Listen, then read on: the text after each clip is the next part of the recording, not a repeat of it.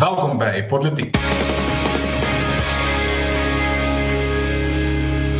Hallo, my naam is Paul Maritz. Uh, saam met my in die ateljee is my kollega en vriend en voormalige buurman Daniel Elof.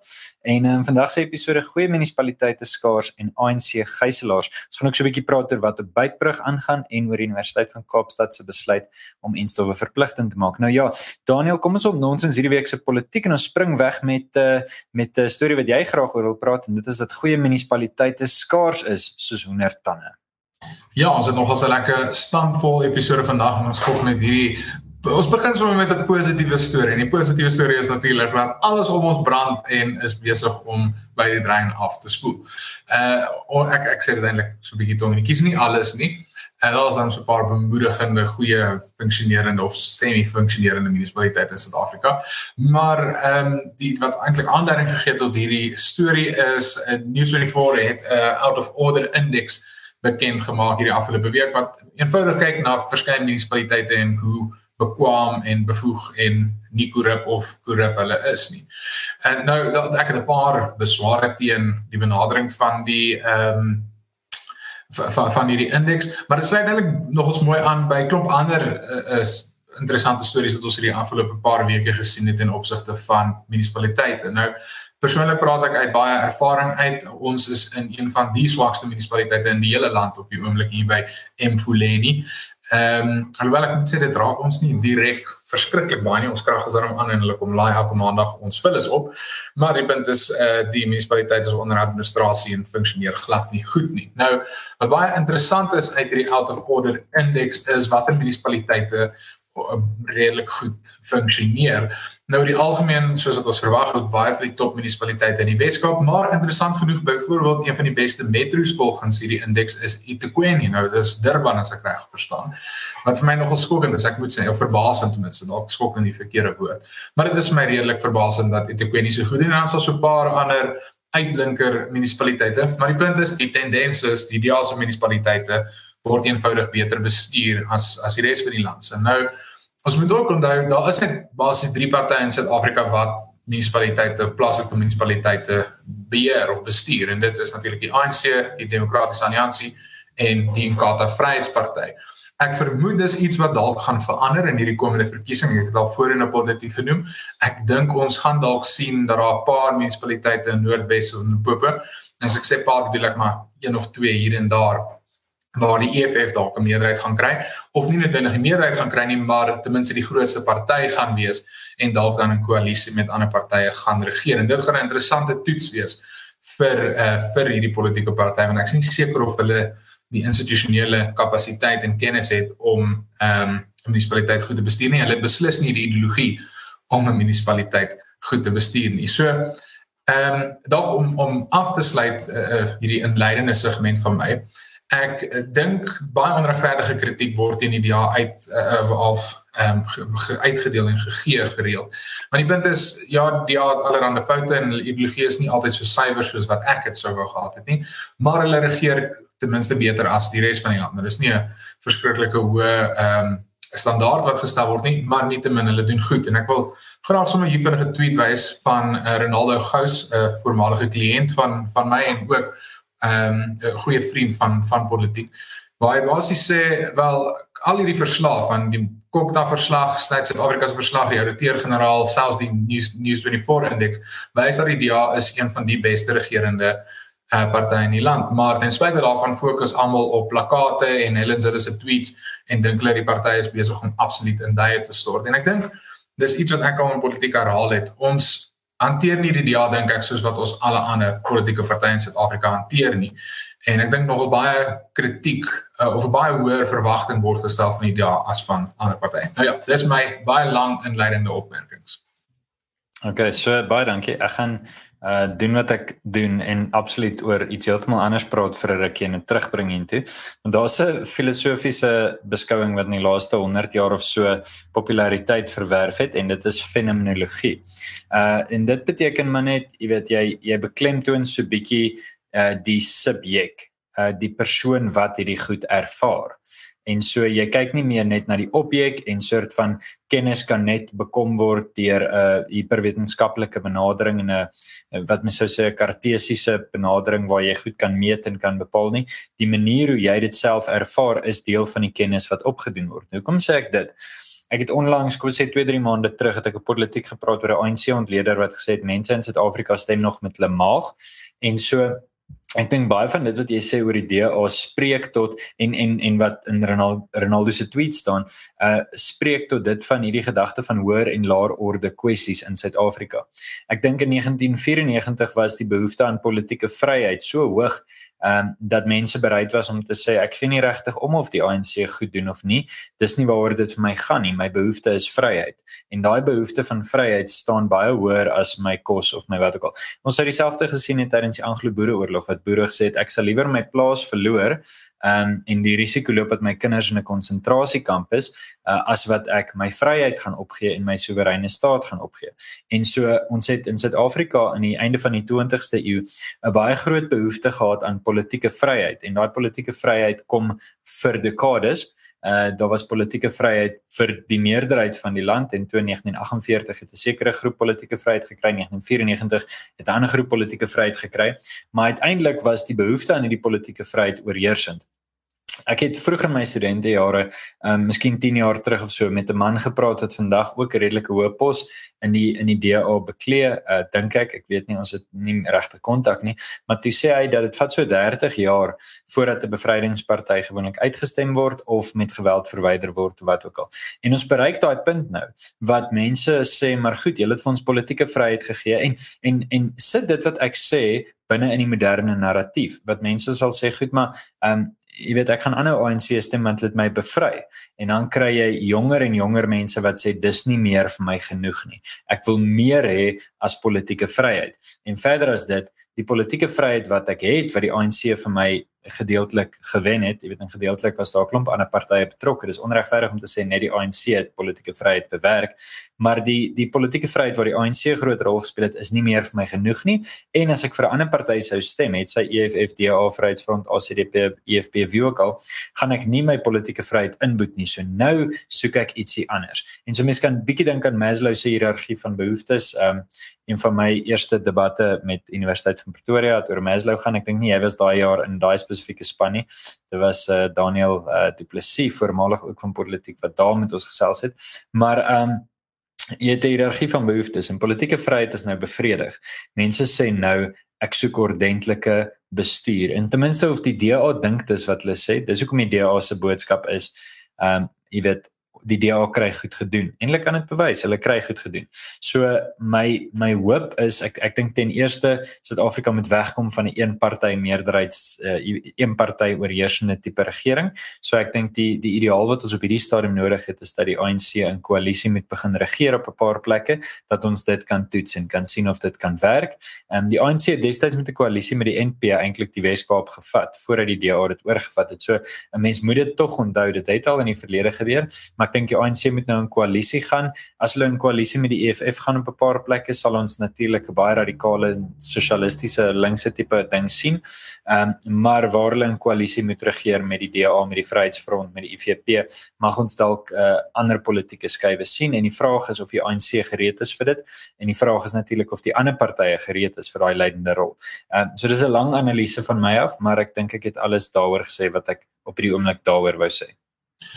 Ons da, daar kom by jou, jou punt aan te sluit oor al vir die loyaliteit in die ANC. Ek dink dink ons want ons kyk baie aan van soos wonder maar hoe alre kan mens as as enige Suid-Afrikaner om om of haar kyk, kan jy nog steeds vir die ANC stem. Maar ons vergeet dat daai loyaliteit is is baie diep en is 'n baie menslike ding. Dit dit ek dink dit spreek tot ons ons ons behoefte om deel te wees van van 'n groep in in Engels die mooi woord die, die tribe en en ek ek dink uh, ons ons vergeet dit dat is eintlik baie menslik. Ek bedoel ek, ek het 'n kollega gehad wat nou hierdie jaar afgetree het by die firma wat sy is word tot vandag toe nog vies as enigiemand verwys uh, na na generaal Jan Smuts as Janie Smuts want sy was 'n stoere sap en sy het van standaard af gekom. So ek bedoel hier sit ons wat 60 jaar later nie meer 80 amper 80 jaar later en dis nog steeds regtig deel van van haar menswees. Sy is 'n sap en ander mense is natte. Ek ek onthou ek in in, in ons huis groot geword het en ons het altyd gespot en gesê wat my pa se kant van die familie was natte en my ma se kant van die familie was sappe. Ek bedoel en, en vir my as as 'n jy weet 'n 8-jarige kind het dit amper niks beteken nie, maar dit is regtig deel van jou identiteit en ek dink van die mense identiteit. En uh, ek, ek vermoed dis die rede hoekom mense ten spyte van alles wat om hulle aangaan, ten spyte van wat hulle sien, nog steeds hierdie loyaliteit teenoor die ANC het. Maar ek vermoed daai loyaliteit is besig om om te verdwyn. Ek dink die mense se geduld is besig om op te raak en ek en ons sien dit. Ehm um, en en ek dink die ANC is so 'n punt van absolute belaglikheid bereik wat die mense kan net hulle hulle sien deur dit. Ek bedoel eh, die hele ANC veldtog benadering met hierdie plaaslike regeringsverkiesing is gee ons net nog 'n kans. Ons beloof ons sal beter doen hierdie keer. Maar ek ek dink die mense soos in 'n goeie Engels sal sê buy dit mee. Ek dink die mense val meer vir daai boodskap van die ANC nie. Maar ehm um, nietemin, kom ons selfs oor 'n bietjie 'n ander drama wat op die oomblik ontaard en dis natuurlik as ons na die noorde kyk in ons landsgrense, ook 'n kwessie waar die ANC op die oomblik eintlik maar katastrofies meer misluk. Ja, ja Daniel, so dis Bytbrug en uh, ek was 'n bietjie oor Bytbrug gesels. Hierdie is 'n storie wat ons min van hoor in die nuus op hierdie stadium en ek wonder hoekom. Uh dit is iets wat nou maar ek ek het vanoggend op Pretoria FM met hulle vinnig oor gepraat en toe het ek bietjie navorsing oor gedoen.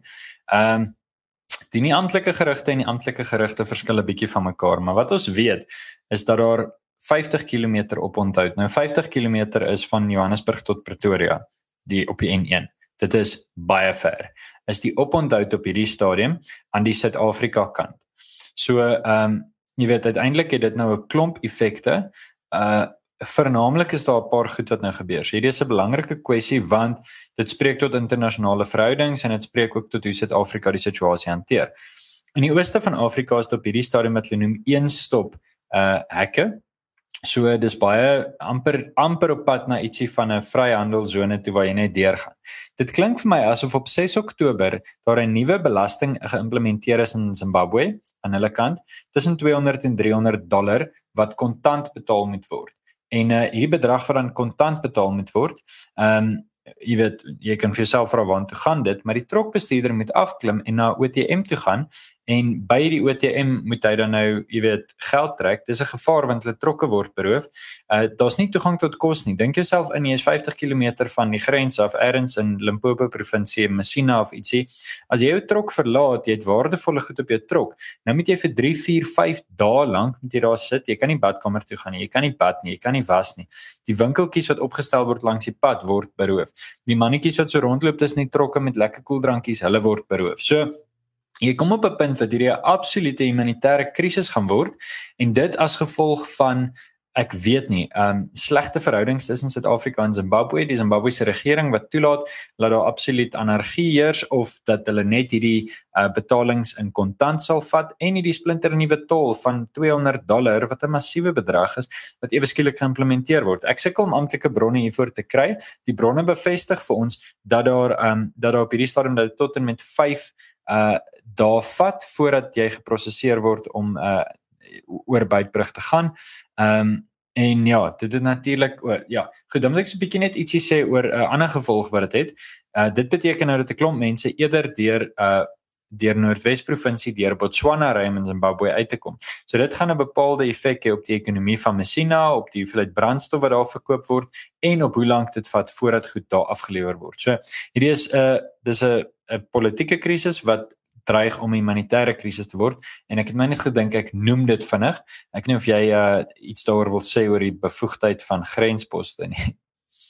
Nee, maar ek bedoel die punt is wel as as as al slaggate in ons baie is en en die ligte kan nie aangehou word nie. Hoe kan ons behoorlike douane beheer toepas en, en behoorlik ons grense beveilig op enige administrasie doen? Die die punt is ons ons gaan eenvoudig nie kan nie. So Ja, dis dis ongelukkig die die realiteit waarmee ons sit, dis die realiteit van 'n onbevoegde ANC ehm um, regering. Ek ek het nie eintlik 'n baie spesifieke analise om die by te dra buite as dit is net absolute onbevoegdheid van die regering se kant af nie. En dan natuurlik ook sit ons met 'n uh, wrak van 'n regering in die noorde.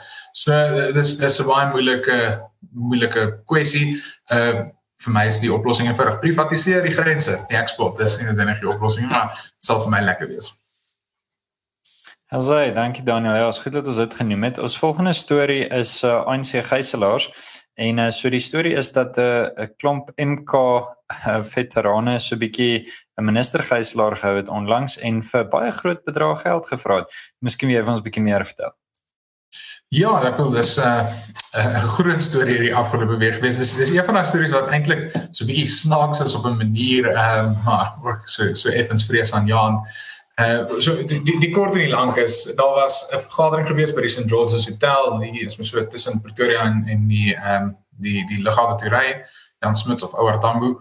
Dan uh en die ANC hou gereeld hulle hulle vergaderings daar en daar's toe hierdie hierdie vergadering gewees en toe klomp van die Mkhonto Sizwe militêre veterane van die ANC lede en onder andere 'n uh, kabinetslid letterlik gijslaar gehou En daar's toe 'n video's van die binnekant waar die mense besig is om te probeer onderhandel en hulle is vreeslik vies vir die ANC en hulle vra waar's die geld hier wat met korrupsie verdwyn het. En op die ouende is die polisie toe nou ontbied en die polisie daar aangekom, iemand gearresteer. Blykbaar na bewering is daar selfs skote afgevuur binne die hotel. Ek weet nie hoe geloofwaardig is dit nie want dis nou 'n weergawe van een van die die gijslaers van die ANC. Maar die punt is dis ek vir my is dit eintlik nogals redelik snaaks om te sien want ek dink dit dit dit sluit aan by my punt wat ek vroeër gemaak het dat mense begin eenvoudig siek en sat raak vir vir die ANC en en wat hulle mee besig is. Uh, ek ek weet een van die meer kommerwekkende aspekte hiervan is ek ek's nie seker wie by Solidariteit dit was of iemand by Solidariteit of by Afriforum was wat getweet het nie. Ek vermoed dit dalk Connie Connie Mulder gewees en as dit nie Connie was nie was dit iemand by by Afriforum wat gesê het wel een van die eerste goed wat wat half uh, die die hele Zimbabwe nadat Mugabe aan bewind gekom het in Daila stort of een van die eerste tekens was die militêre veterane het in opstand gekom teen ZANU-PF. Dit dit was hulle was ontevrede met hoe die ZANU-PF ehm um, nie net regeer het nie, maar eintlik sake bestuur het. En uh, hierdie is dit, dit volg eintlik maar 'n soortgelyke patroon op die einde van die dag. So ja, dis dis 'n nuwe storie, dis die agtergrond wat gebeur het. Ehm um, dis terselfdertyd vir my lekker snaaks, maar ehm um, ook ook effens kommerwekkend. Maar dit kan ook wees dat hierdie 'n goeie teken is van mense wat besig is om nie meer al die die ANC se soetsappige praatjies te glo nie en uh, hopelik kan hierdie mense wat St George's Hotel bestorm het en en mense gijslaar gehou het. Dalk uh, besef wel daar's 'n ander meganisme tot hulle beskikking om verandering te bewerkstellig. As 'n ander manier om om die ANC aanspreeklik te hou en dis natuurlik by ehm uh, die die die stembusse. En ons het nou 'n wonderlike geleentheid oor 2 weke waar jy jou stem lekker dik kan maak. Ja, so Daniel, dit is 'n interessante situasie en dit is kommerwekkend. Ek dink dit wys 'n diep verdeling binne die ANC en dit wys 'n diep ontevredenheid by die militêre veterane. So, ehm um, jy weet uiteindelik dink ek ja, daar daar's daar's 'n paar punte om hier aan te raak in terme van die Zimbabwe voorbeeld. Mens weet nie hoeveel mag het MK noodwendig en die MK veterane noodwendig binne in Suid-Afrika nie. Ehm um, ek dink ook in Zimbabwe was daar wesenlike afwesigheid van privaat sekuriteit of ten minste op die vlak wat ons in Suid-Afrika het. Maar weer eens hierdie is faktore wat mense in ag moet neem en nie die ouens se stemme moet gehoor word miskien. Wat ek wel dink as ek so 'n bietjie uh, uh, kan uit uitfokus. Hierdie is vir my 'n tekenende voorbeeld van die gevaar van utopiese beloftes. Jy weet, hoeveel mense is is dinge beloof in die 80s en in in die vroeg 90s. Stem vir die ANC en jy gaan dot dot dot. En daar's hoeveel goed beloof. Jy gaan 'n huis kry, jy gaan 'n werk kry, jou kinders gaan dadelik kwalifiseer om by Oxford te gaan swat. Jy gaan basiese Ferrari ry. Jy weet as jy net, jy weet in die oggend uit jou huis uitval. En dit gaan dit gaan vinnig vinnig gebeur. Ongelukkig omdat jou soldate en jou militêre vleuel die hoogste die grootste risiko neem. Hulle sit hulle lewens op die spel en dis die grootste aardse grootste aardse risiko wat 'n mens kan neem. Ehm um, natuurlik binne 'n geloofskonteks sê mense dat die grootste risiko is om jou geloof op te sê en dit het bepaalde ander teologiese implikasies, maar jy weet in in 'n aardse fokus is die grootste risiko wat jy kan neem, uh is om jou lewe op die spel te sit. En hoe kry jy mense om hulle lewe op die spel te sit? Wel daar's 'n paar maniere. Tipies praat ons van die wortel of die stok of die hoekom. So jy weet die die stok is byvoorbeeld Hernan Cortez wat Suid-Amerika ingeval het wat letterlik sy skepe gesink het en vir sy soldate gesê het julle gaan nie huis toe nie. So sterkte, hierdie moet werk. Ehm um, die wortel wat baie meer populêr is as om jou bote af te brand uh, of gate in hulle te skiet, is om te sê wel jy gaan 'n klomp geld kry of jy gaan beloon word of jy gaan 'n rang kry um, met 'n bepaalde implikasie. En ek vermoed hierdie is maar net ANC beloftes wat na hulle toe terugkom. Uh dit dit kan natuurlik 'n stuk opportunisme wees en ons weet nie ons was nie in daai gesprekke nie, maar ek dink nie noodwendig dit dit is net opportunisme nie. Ek dink 'n klomp goed is aan hierdie ouens beloof en die ANC kon nie daarbey uitkom nie. Onthou, uh nie lank terug nie, ons het ook op politiek daaroor gepraat, die ANC se skoonmakers gestaak. So mens moet vir jouself vra, uh het hierdie twee nie maar met mekaar verband nie. En as die ANC uit geld uitraak, wat gaan hulle doen? Uiteindelik en ek dink dis dalk die groter gesprek hierso.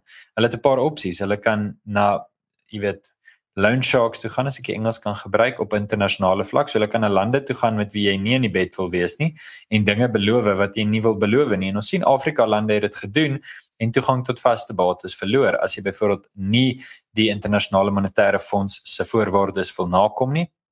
Dan gaan jy na lande toe wat geld het, um, maar bereid is om, jy weet, vir ietsie terug uh saam met jou in hierdie ooreenkoms in te tree. So die ANC kan dit sekerlik doen, maar ek weet ook nie of daai lande die ANC sien as die toekoms van Suid-Afrika nie. So ek weet nie of hulle met hulle daai pad wil stap nie. Dis alles interessante perspektiewe. Nietemin uh baie interessante perspektief wat jy gee rakende die uh dat dit die eerste tree was uh vir die vir Robert Mugabe om te val. Ehm um, so ja, baie baie interessant. Die ZANU-PF is wel nog in beheer. Dit was nou net 'n ander persoon wat vir haar oorgevat het, nee. Ja, beslis. Ek ek dink jy's reg wel is oor die oor die opportunisme want uh, ons moenie vergeet dat dit 2 weke ons 2 weke weg van 'n verkiesing af is nie. En dis 'n ideale tyd om te begin onderhandel en te probeer beding. Ehm um, en en dis 'n belangrike faksie binne die ANC. Dis ook al 'n belangrike groot groep uh van van die ANC. En uh, hulle moet op 'n manier hulle gelukkig hou in hulle paai. So ek ek vermoed daar is daai daai tydsberekening element wat hier ter sprake is.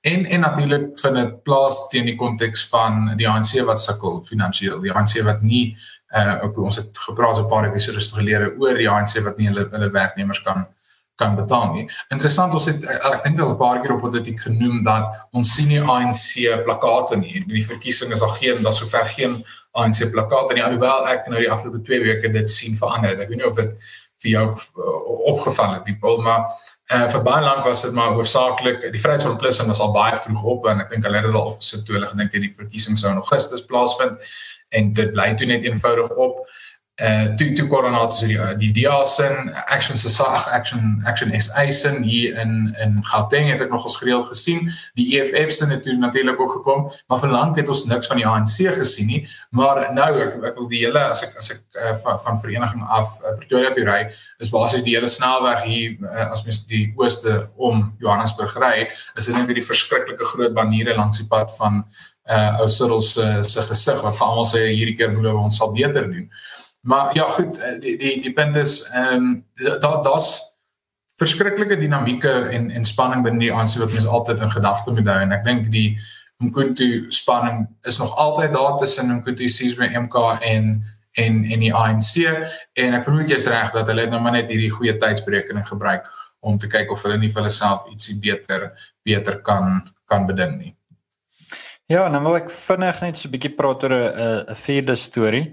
Uh en ek het vinnig genoem ons gaan vinnig praat oor die Universiteit van Kaapstad se inentingsbeleid nou van solidariteit jeug se kant af het ons maar net gesê ons dink 'n mens het sekere onvervreembare regte en om te kies wat jy in jou lyf toelaat is een van hulle. Ehm um, die ander kant van die van die munt as mense regverdige verteenwoordiging wil gee, is dat ja, maar vryhede kan ingeperk word as dit wat jy doen, jy weet in byvoorbeeld die geval van 'n dodelike virus. So dis die teenkant van die munt. Ehm um, wat wat ek sê is dat ek dink ehm um, wanneer jy regte aan die regering gee, dan gee die regering dit nie sommer terug nie. Ons sien dat belastingkoerse ontsettend verhoog is met oorloë in die verlede en na die oorlog het die belastingkoerse nie weer afgekom nie. So jy gee 'n stukkie van jou vryheid vir die regering en die van julle wat hierin belangstel kan gerus 'n bietjie oor Thomas Hobbes lees wat verduidelik ehm um, jy weet van die Leviathan, nie die monster regering wat eintlik net meer en meer mag wil hê en hoe groter die staat word, hoe wel hoe, hoe sterker die land word, hoe groter wil die staat ook wees. Ehm um, en hoe, hoe sterker maak hy homself om jy weet hierdie sterker burgery te kan te kan beheers. Uh so uiteindelik wat ek hierso sien is dat ons die reg en en daar was al dodelike pandemies in die verlede. Uh maar nooit was daar op 'n punt gekom wat 'n regering vir jou kon sê wat jy in jou lyf moet toelaat nie. En 'n klomp mense wat baie pragmaties na hierdie ding kyk, kom nou met goed en sê ja, maar ehm um, jy weet, wil jy nie hê kampusse moet oopmaak nie? Wil jy nie dit nie? Wil jy nie dat nie? Natuurlik wil ek hê kampusse moet oopmaak. Maar is dit vir my die moeite werd dat 'n klomp studente hulle vryheid moet weggee? Vroeg in hulle lewe al moet leer dat die regering beheer het oor wat hulle in hulle lywe mag sit ek dink nie dis die moeite werd nie. Ek hou van die Universiteit van Rhodes se benadering wat gesê het, goed, as jy nie wil inent nie, dan moet jy die gevolge dra, dan moet jy 'n masker dra of jy moet jouself laat laat toets. Dit het bepaalde koste en ek weet ook nie of dit noodwendig mens daai pad verstap nie, maar om te sê, as jy nie die inenting het nie, moet jy met 'n masker op kampus loop, want ons sien uit 'n Christelike beginsel dat wanneer jy verset teen teen 'n regering se bepaal, bepaling, dan stap jy ook die pad en sê, "Oké, okay, goed, nou dan sal ek die gevolge dra." Dat studente ten minste die keuse het nog steeds hulle toegang tot onderwys artikel 29 grondwetlike reg mag toeëien um, maar nie noodwendig uh, artikel 12 regte rakende liggaamlike integriteit moet opgee nie. So ja, moeilike ding, moeilike onderwerp, ek stem saam. Ek weet waar ek staan oor dit en dis my standpunt in die media uit die laaste paar dae gewees. Um, daar's natuurlik mense wat verskil daarvan en hulle is geregtig op hulle mening, maar ek ek voel sterk oor die een die die die punt met hierdie hele met verpligte en stowwe en en stofpasse en en en hierdie hele gesprek is wat wat ek ek kom altyd terug by die punt die die pandemie is erg. Ek bedoel hier is een van die wêreld se grootste pandemies. Baie mense het het gelei as gevolg van die pandemie. Baie mense is dood as gevolg van die pandemie. En ek dink ons moet ons moet dit erken en ons moet ons moet dit nie amper net uh, verstaan afmaak en sê wel hierdie COVID ding is nie is nie werklik nie vir vir my is is dis die kommerwekkende ding is presies is wat jy aanvanklik genoem het Paul is uh, dis dis die Milton Friedman aanhaling wat sê daar's niks so permanent soos 'n tydelike regeringsprogram nie en en en die dieselfde geld vir hierdie soort bepalinge wat wat in plek gesit word oor oor om in te ent en mense te verplig. Wat ek wel kan noem is die die gedagte dat die regering kan inmeng met jou liggaamlike integriteit bestaan al ongelukkig vir baie lank, veral in ons wel nee, nog altyd. Ehm um, daar daar's gesag in in ons howe in die Weskaap waar mense al verplig is om om TB behandeling te ontvang teen hulle wil. En uh, die punt is dat daar's klomp van hierdie hierdie kere al gewees waar waar liggaamlike integriteit of jou vryheid om te kies al op inbraak gemaak is. Wat wat my pla oor die gesprek wat ons op die oomblik het is ek ek dink eh, vir veral vir 'n student, veral in die konteks van universiteit. Dis dis hoofsaaklik mense wat jonk en redelik gesond is. Dis mense wat al kry hulle COVID moontlikheid is. Nou ek weet die teenkant van die argument is wel daar's uh, eh, akademici wat wat nie noodwendig jonk is nie en hulle is verskriklik kwesbaar. Maar die punt is as hulle dan wil inent dan word hulle mos beskerm teen hierdie einste virus. Wat is die hele punt van om die inenting te kry? So dis dis wat vir my so moeilik is van die hele gesprek is ek voel nie almal erken al die kante van van die gesprek en dat dit is net 'n eenvoudige ding nie, maar dan terselfdertyd dat is regtig kommerwekkend as ons die regering of enige entiteit hierdie mag gee om om vir jou te kan sê wat jy moet moet kry in jou liggaam en nie. Uh ja, yes, ek ek wou eintlik nog 'n hele halfuur oor hierdie onderwerp praat, maar goed, daar's daar's 'n oulike video wat ek met een van my vennote Willie Spies gedoen het op op AfriForum se YouTube bladsy waar ons vir 'n halfuur lank hierdie hierdie vraag uh, bespreek. 'n laaste ding wat ek net wil noem is ek ek vermoed hierdie gesprek gaan wel akademies raak op een of ander punt. Die punt is die virus gaan altyd saam met ons wees, maar hierdie verskriklike golwe van die virus en en ek wil sê die uh, verskriklike sterfte syfers van die virus gaan nie. En ek vermoed oor 2 of 3 jaar gaan dit reg van die saak maak of jy ingeënt is of nie en dit gaan amper irrelevant wees op die ou en bevind. Ja, dankie. Ek uh Ek hoor snorre is aan die agtergrond besig. Ja, uh, dit is lekker. Ek ek staal myself altyd, jy weet, as ek hoor jou stemtoon begin hy sê ek ek gaan nou aan die woord kom, maar uh, nee, okay, goed. Daniel, ek dink ons sal vir ure hieroor kan praat. So politiek kykers gaan loer gerus na Daniel en en Willie se gesprek daaroor. Ehm um, Ja, vir die van julle wat 'n bietjie jonger is, uh, daar's onlangs ook 'n lekker videoetjie van my en Daniel op YouTube geplaas waar ons praat oor wat 'n prokureur doen. So natuurlik sê ons in Suid-Afrika, ehm um, moet jy kwalifikasies hê en vaardighede hê wat die persoon langs jou nie het nie as jy werk wil. So jy kan gerus na dit gaan kyk. Ehm um, ja, ag uh, en uh, ja, Daniel, ek dink dan kan jy miskien vir ons afsluit. Dankie dat ek my onderwerp hier kon indruk ondanks die feit dat dit nie noodwendig in die titel van die episode was nie. Groot waardering. En uh ja, dit's lekker om te gesels. Dankie Paulus. Ja, soos jou liggaamlike integriteit by UCT is hierdie episode van nou ook eers verby. As jy hou van wat ons doen op Politiek, uh, kan jy gerus op die subscribe knoppie klik waar ook al jy hierdie podsending luister. Ons nooi jou ook uit om self te ontnonsens sy gesprek voort in die kommentaarafdeling en ook natuurlik op ons Telegram kanaal waar ons heerlik met julle almal elke week kan gesels. Jy kan ook vir ons natuurlik 'n resensie los met jou klagtes en gedagtes om vir ons te laat weet hoe om politiek aan te hou verbeter en eh, ja, dan sien ons julle weer volgende week en natuurlik ook binnekort gaan ons 'n uh, heerlike spesiale episode vir julle bring om bietjie te gesels oor die verkiesing en waar elke party staan en wat hulle standpunte op verskeie kwessies is. So hou gerus ons verskeie platforms dop vir daardie episode. Tot volgende keer.